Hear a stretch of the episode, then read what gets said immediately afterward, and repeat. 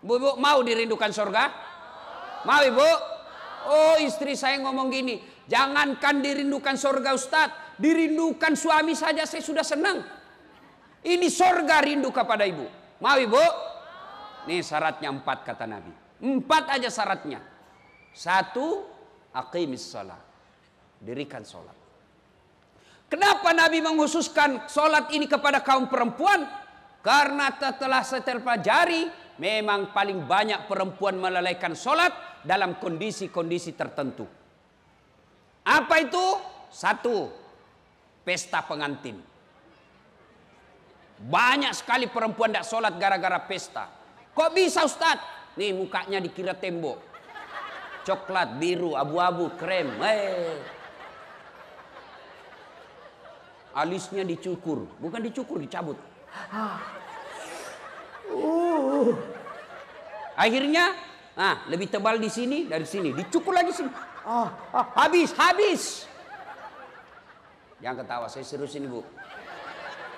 Bu, eh, yang sudah TV salisnya. Itu Nabi jelaskan laknat Allah mereka yang mencabut dan mencukur alisnya. Anda usah lihat temanmu. Ayo. Nih banyak nih. Sekarang perempuan banyak palsu. Bulu mata panjang palsu. Bibir merah palsu. Mata biru palsu. Bibir merah palsu. Pipi biru palsu. Pantat gabus. Ayo. Kapan lagi kondisi perempuan banyak ndak sholat? Setelah make up. Ini kan ibu-ibu nih, nih yang tebal-tebal make upnya. Dengar ini bu. Kalau sudah masuk waktu sholat, dia pergi wudhu. Tapi karena dia sayang ini bedaknya, maka wudhunya cuma begini. Beleng-beleng. kan dia takut ini. Eh, hey, ibu, dengar. Kalau ibu pakai make up tebal, dan ibu wudhu tidak tersentuh kulit kulit pipinya, tidak sah wudhu. Wudhu tidak sah, otomatis tidak sah sholatnya. Maka kalau ibu pakai make up, kasih dulu tisu basah. Lepaskan semua. 200 ribu Ustaz.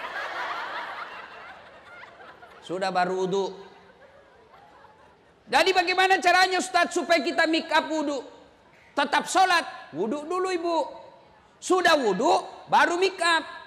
Setelah itu tahan kentut.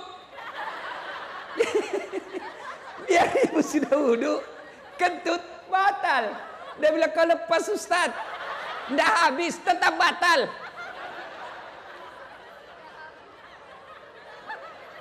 Dua. Kondisi perempuan banyak tidak sholat. Apa? Jilbab. Yang selalu saya istilahkan jilbab sakaratil maut tadi tadi pagi saya di mana ya ceramah itu di Bekasi kayaknya. Wih ada ibu-ibu. Saya sambil ceramah dia di depan saya, saya bilang, saya bayangkan bagaimana caranya dia pakai ini jilbabnya ya. Oh tiga lapis ibu, kuning, biru, dikasih miring lagi sedikit. Ngapain lagi kok kasih miring? Eh, 17 jepitannya, pentulnya 7. Ini pentul yang biasa jadi korban kita laki-laki. Dia simpan di kursi. Begitu. Apa yang pentul ini? Saya tadi ini. Wallah. Wallah. Tadi saya duduk. Ada pentul. Langsung saya ibu-ibu lagi nih sebarkan pentul ini. Yang ketawa. Saya serius ini. Nah, pasang jilbab tiga lapis. Hah? Ada ada lagi kayak pohon di belakang. La haula wala quwata illa billah. Bajunya sempit, roknya sempit, dia bilang suaminya, buru-buru ibu ketinggalan, tunggu sedikit bang. Beleng-beleng. Apa yang begini? Ibu-ibu katanya perempuan hijrah. Kok jilbabnya masih sempit? Jalannya repot. Coba kalau jilbabnya legulo, lari. Ya. Satu. Dua. Gara-gara pakaian.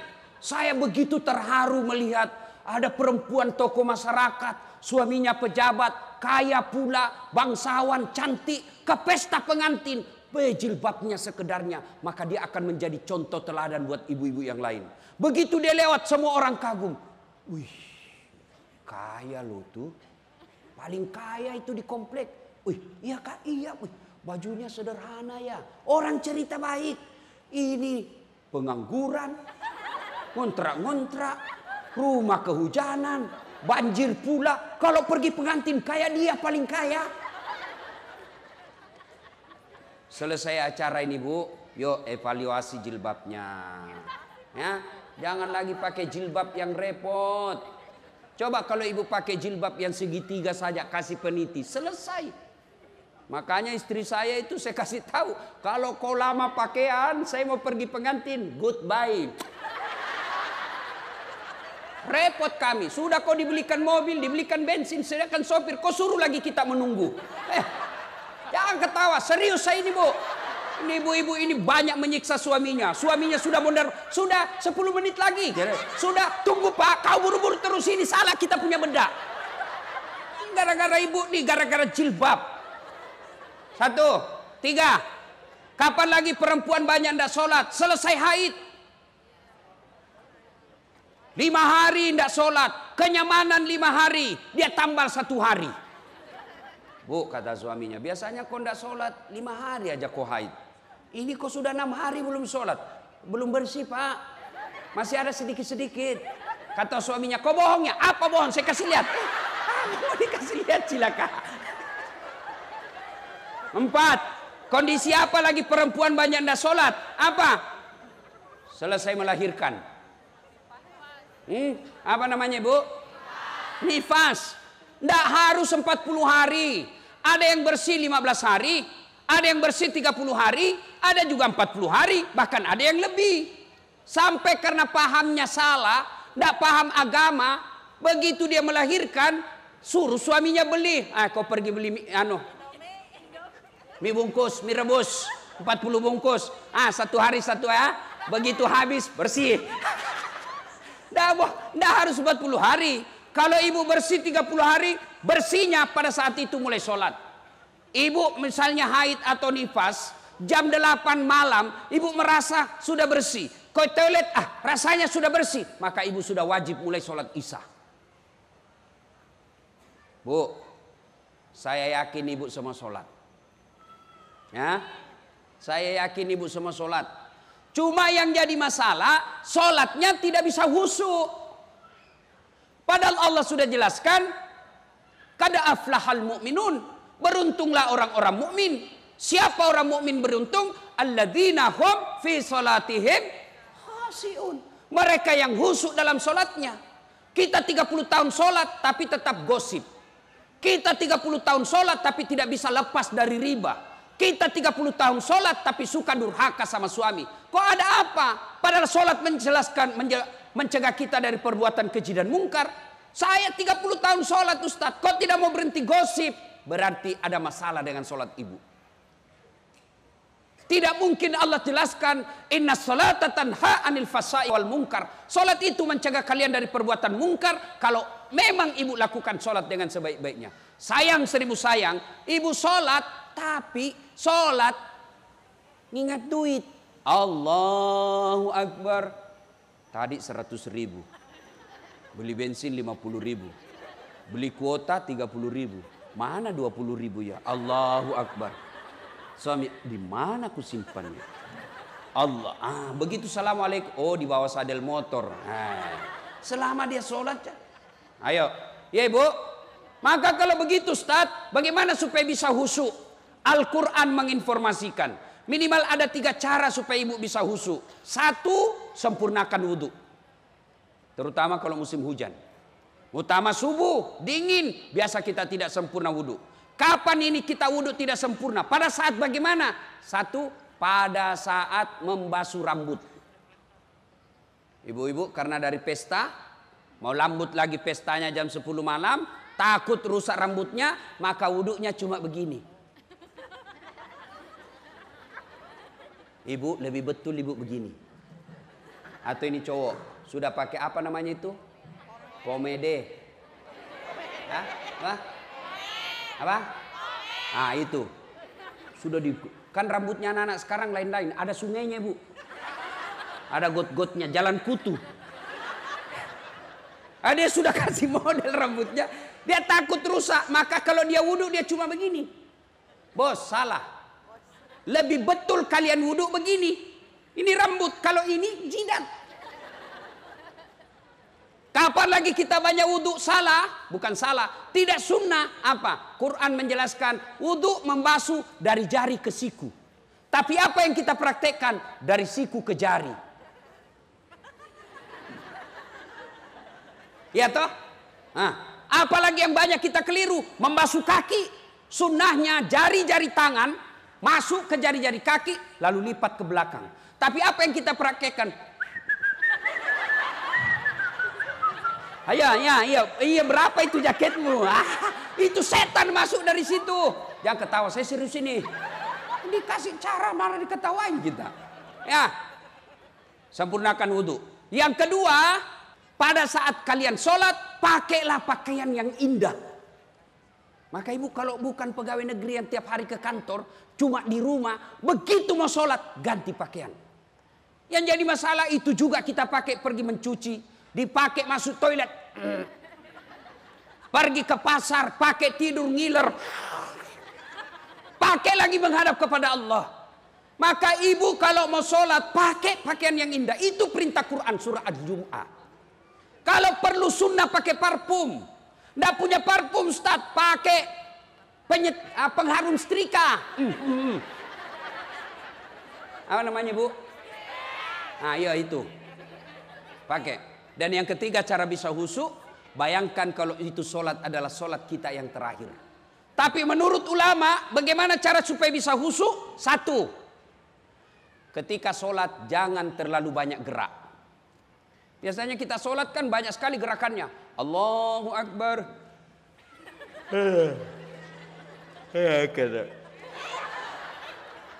Maliki yaumiddin. Iyaka na'budu wa iyaka nasta'in. Hadi sirat.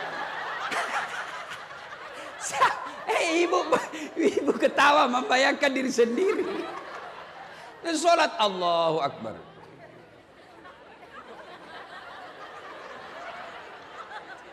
Mode silent dia pakai. Allah.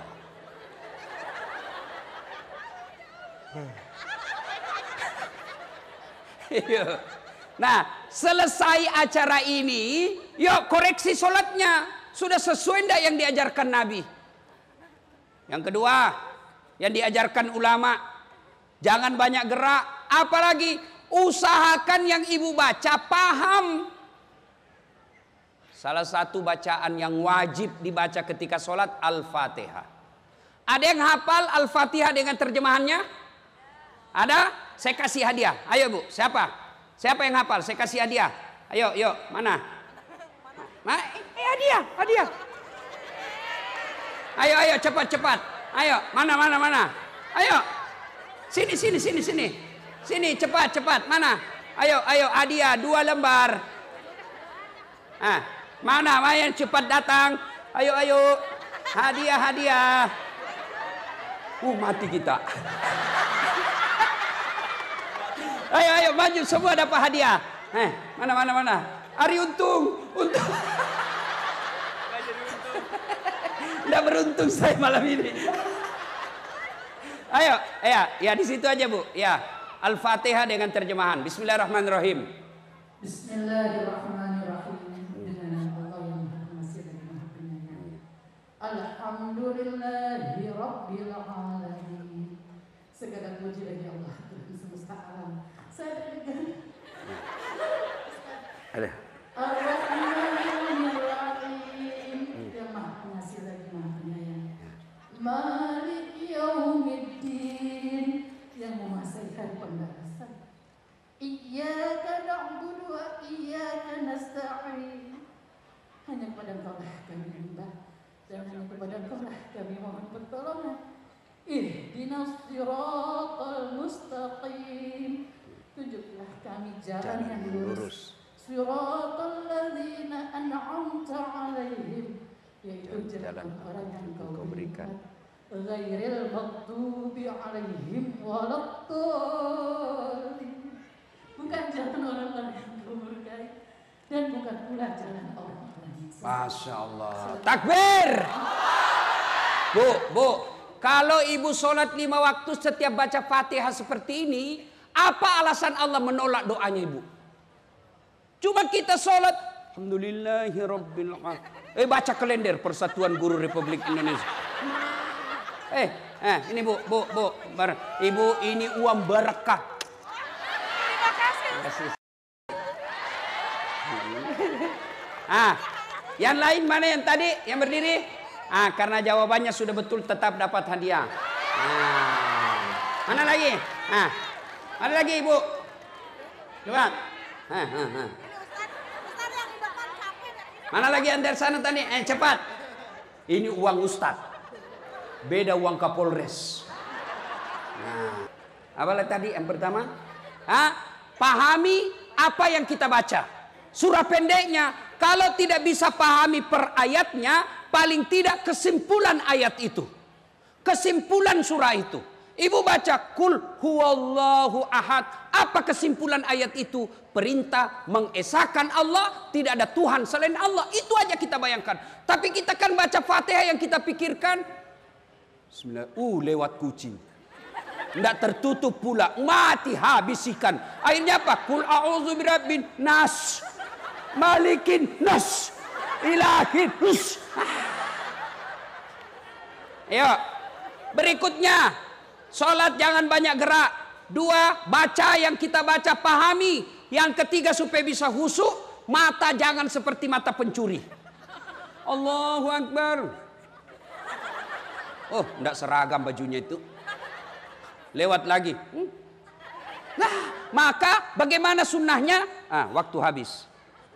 Maka sunnahnya mata kita menuju apa yang kita mau sujuti. Hmm, Allahu Akbar. Lihat ini. Ya bu? Bisa? Ah. Berikutnya, jangan terlalu banyak gerak.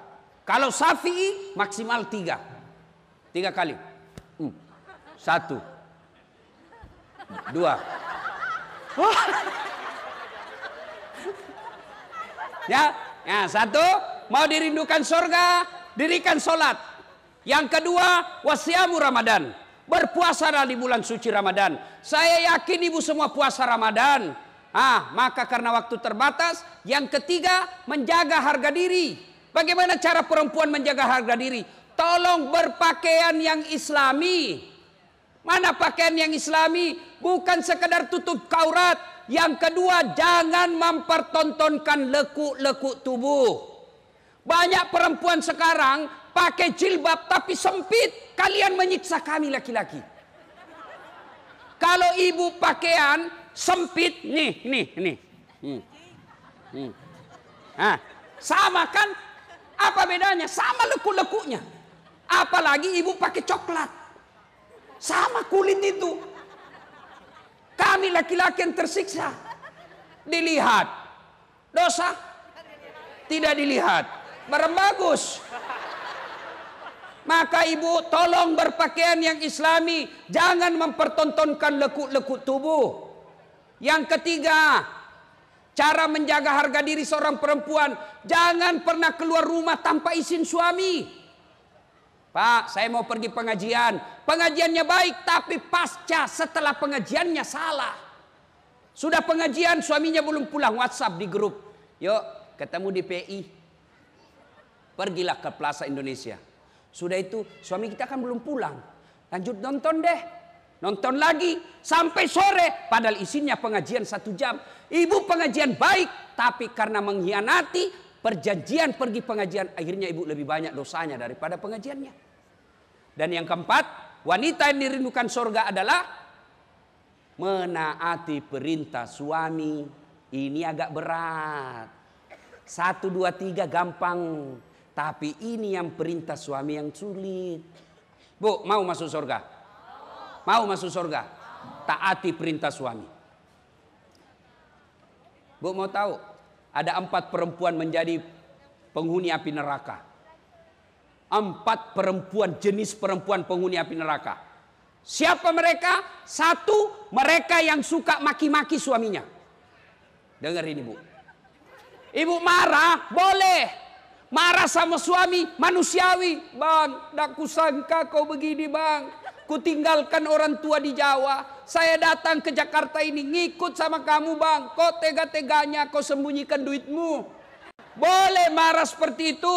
Tapi yang tidak boleh maki-maki suami. Memang kau goblok. Sama aja opakmu. Tahu begini cilaka kau. Ah ibu masuk neraka. Dia ketawa. Saya serius. Marah sama suami boleh, tapi tidak boleh maki-maki apa sampai meninggal melibatkan orang tuanya. Memang kau goblok, suami macam apa kamu? Sudah gendut, malas, kuat makan.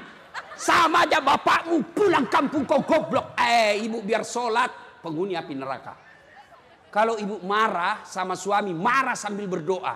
Saya tidak sangka kau begitu bang. Saya doakan kau menjadi penghuni surga. Saya doakan kau menjadi lebih soleh. Ya Allah perbaiki suamiku. Tidak kusangka dia begini. Tapi dialah jodohku ya Allah.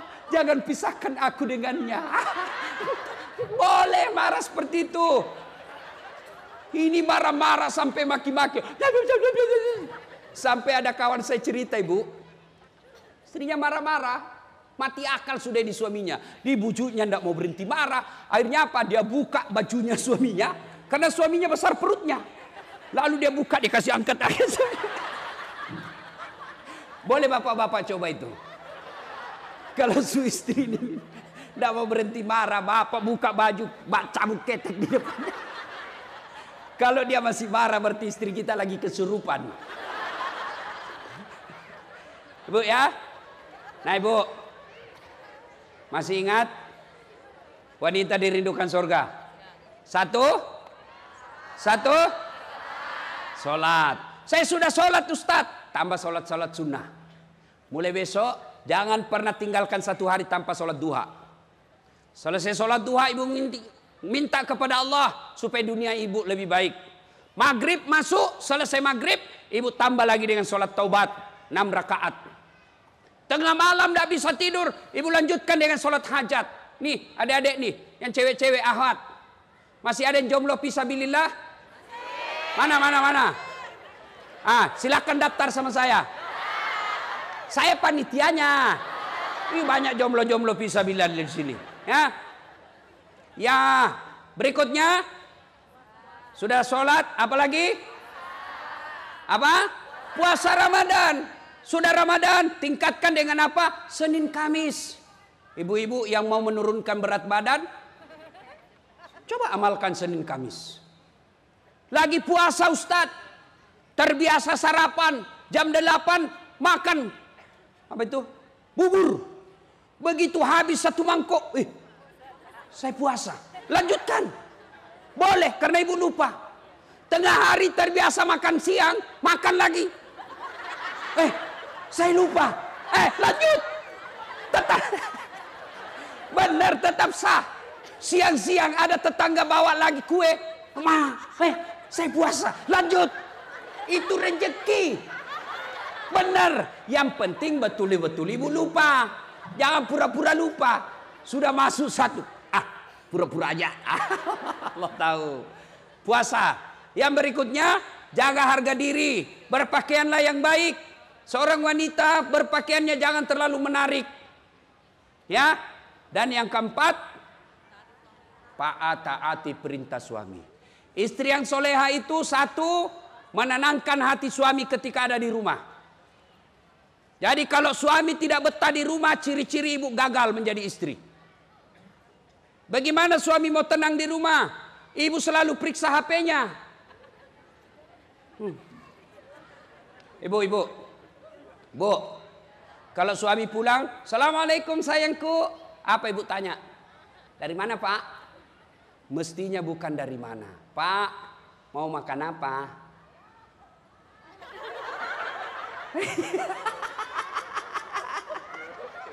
Coba, kan enak perasaan kita pulang. Sayangku, bila kamu di sisiku hati rasa syahdu. Oh tenang perasaan suami. Masuk dapur marah-marah karena berantakan dapur. Ibu peluk lagi sambil menyanyi. Insaflah wahai manusia. Tenang perasaan. Ini pulang suaminya lagunya apa? Yo, yo ayo, yo ayo, eh, kesurupan. Putar ke kiri. Apa beleng-beleng? Nenek kita lagunya, suami kita lagi bermasalah nih. Rugi, ndak usah dimarah-marahi. Memang kau goblok, bisnis keliru. Ngojek dicuri motornya, ndak ada yang pak kau tahu. Jangan begitu. Ma, coba kalau suami gagal berbisnis, ibu duduk-duduk di sampingnya sambil menyanyi. Mungkin Tuhan mulai bosan melihat tingkah kita yang selalu salah dan bangga dengan dosa-dosa atau alam mulai enggan bersahabat dengan kita. Coba kita bertanya pada rumput yang bergoyang. Enak. Ini pulang pengaruh lagu dandut beleng-beleng. La la la la la la. Panggil aku si Jamlay Abang jarang pulang Aku jarang dibelai Apa lagu-lagu begitu? Ya Taati perintah suami Bu. Kenapa sih wajib taati perintah suami? Karena dengar ibu Demi Allah Kami suami Bertanggung jawab terhadap istri. Istri tidak pakai jilbab Kami yang tanggung dosa Istri tidak sholat kami yang ditanya di akhirat kelak. Kalau ibu tidak ditanya soal dosa suami. Ibu tidak ditanya kenapa suamimu tidak sholat. Kenapa suamimu nipu. Tidak ibu ditanya. Tapi yang ditanya kenapa istrimu tidak jilbab. Kenapa istrimu tidak sholat. Kenapa istrimu tidak puasa. Itu tanggung jawabnya suami. Makanya ibu jangan suka ngomel. Bagaimana kita tidak cepat sakaratil maut. Maka kalau mau dirindukan surga, taati perintah suami. Suami saya selingkuh, Ustaz. Suami saya tidak sholat. Suami tidak puasa. Bukan urusan ibu. Kalau ibu lakukan empat hal ini, maka Nabi jelaskan, Bu, nih karena kau taat kepada empat ini, Nabi jelaskan, tadahulul jannati bisalam, silakan masuk surga ibu dari pintu mana yang ibu mau. Enak kan? Nah, ibu bapak, saudara-saudara sekalian, banyak yang kita mau sampaikan tapi waktu yang terbatas. Insya Allah.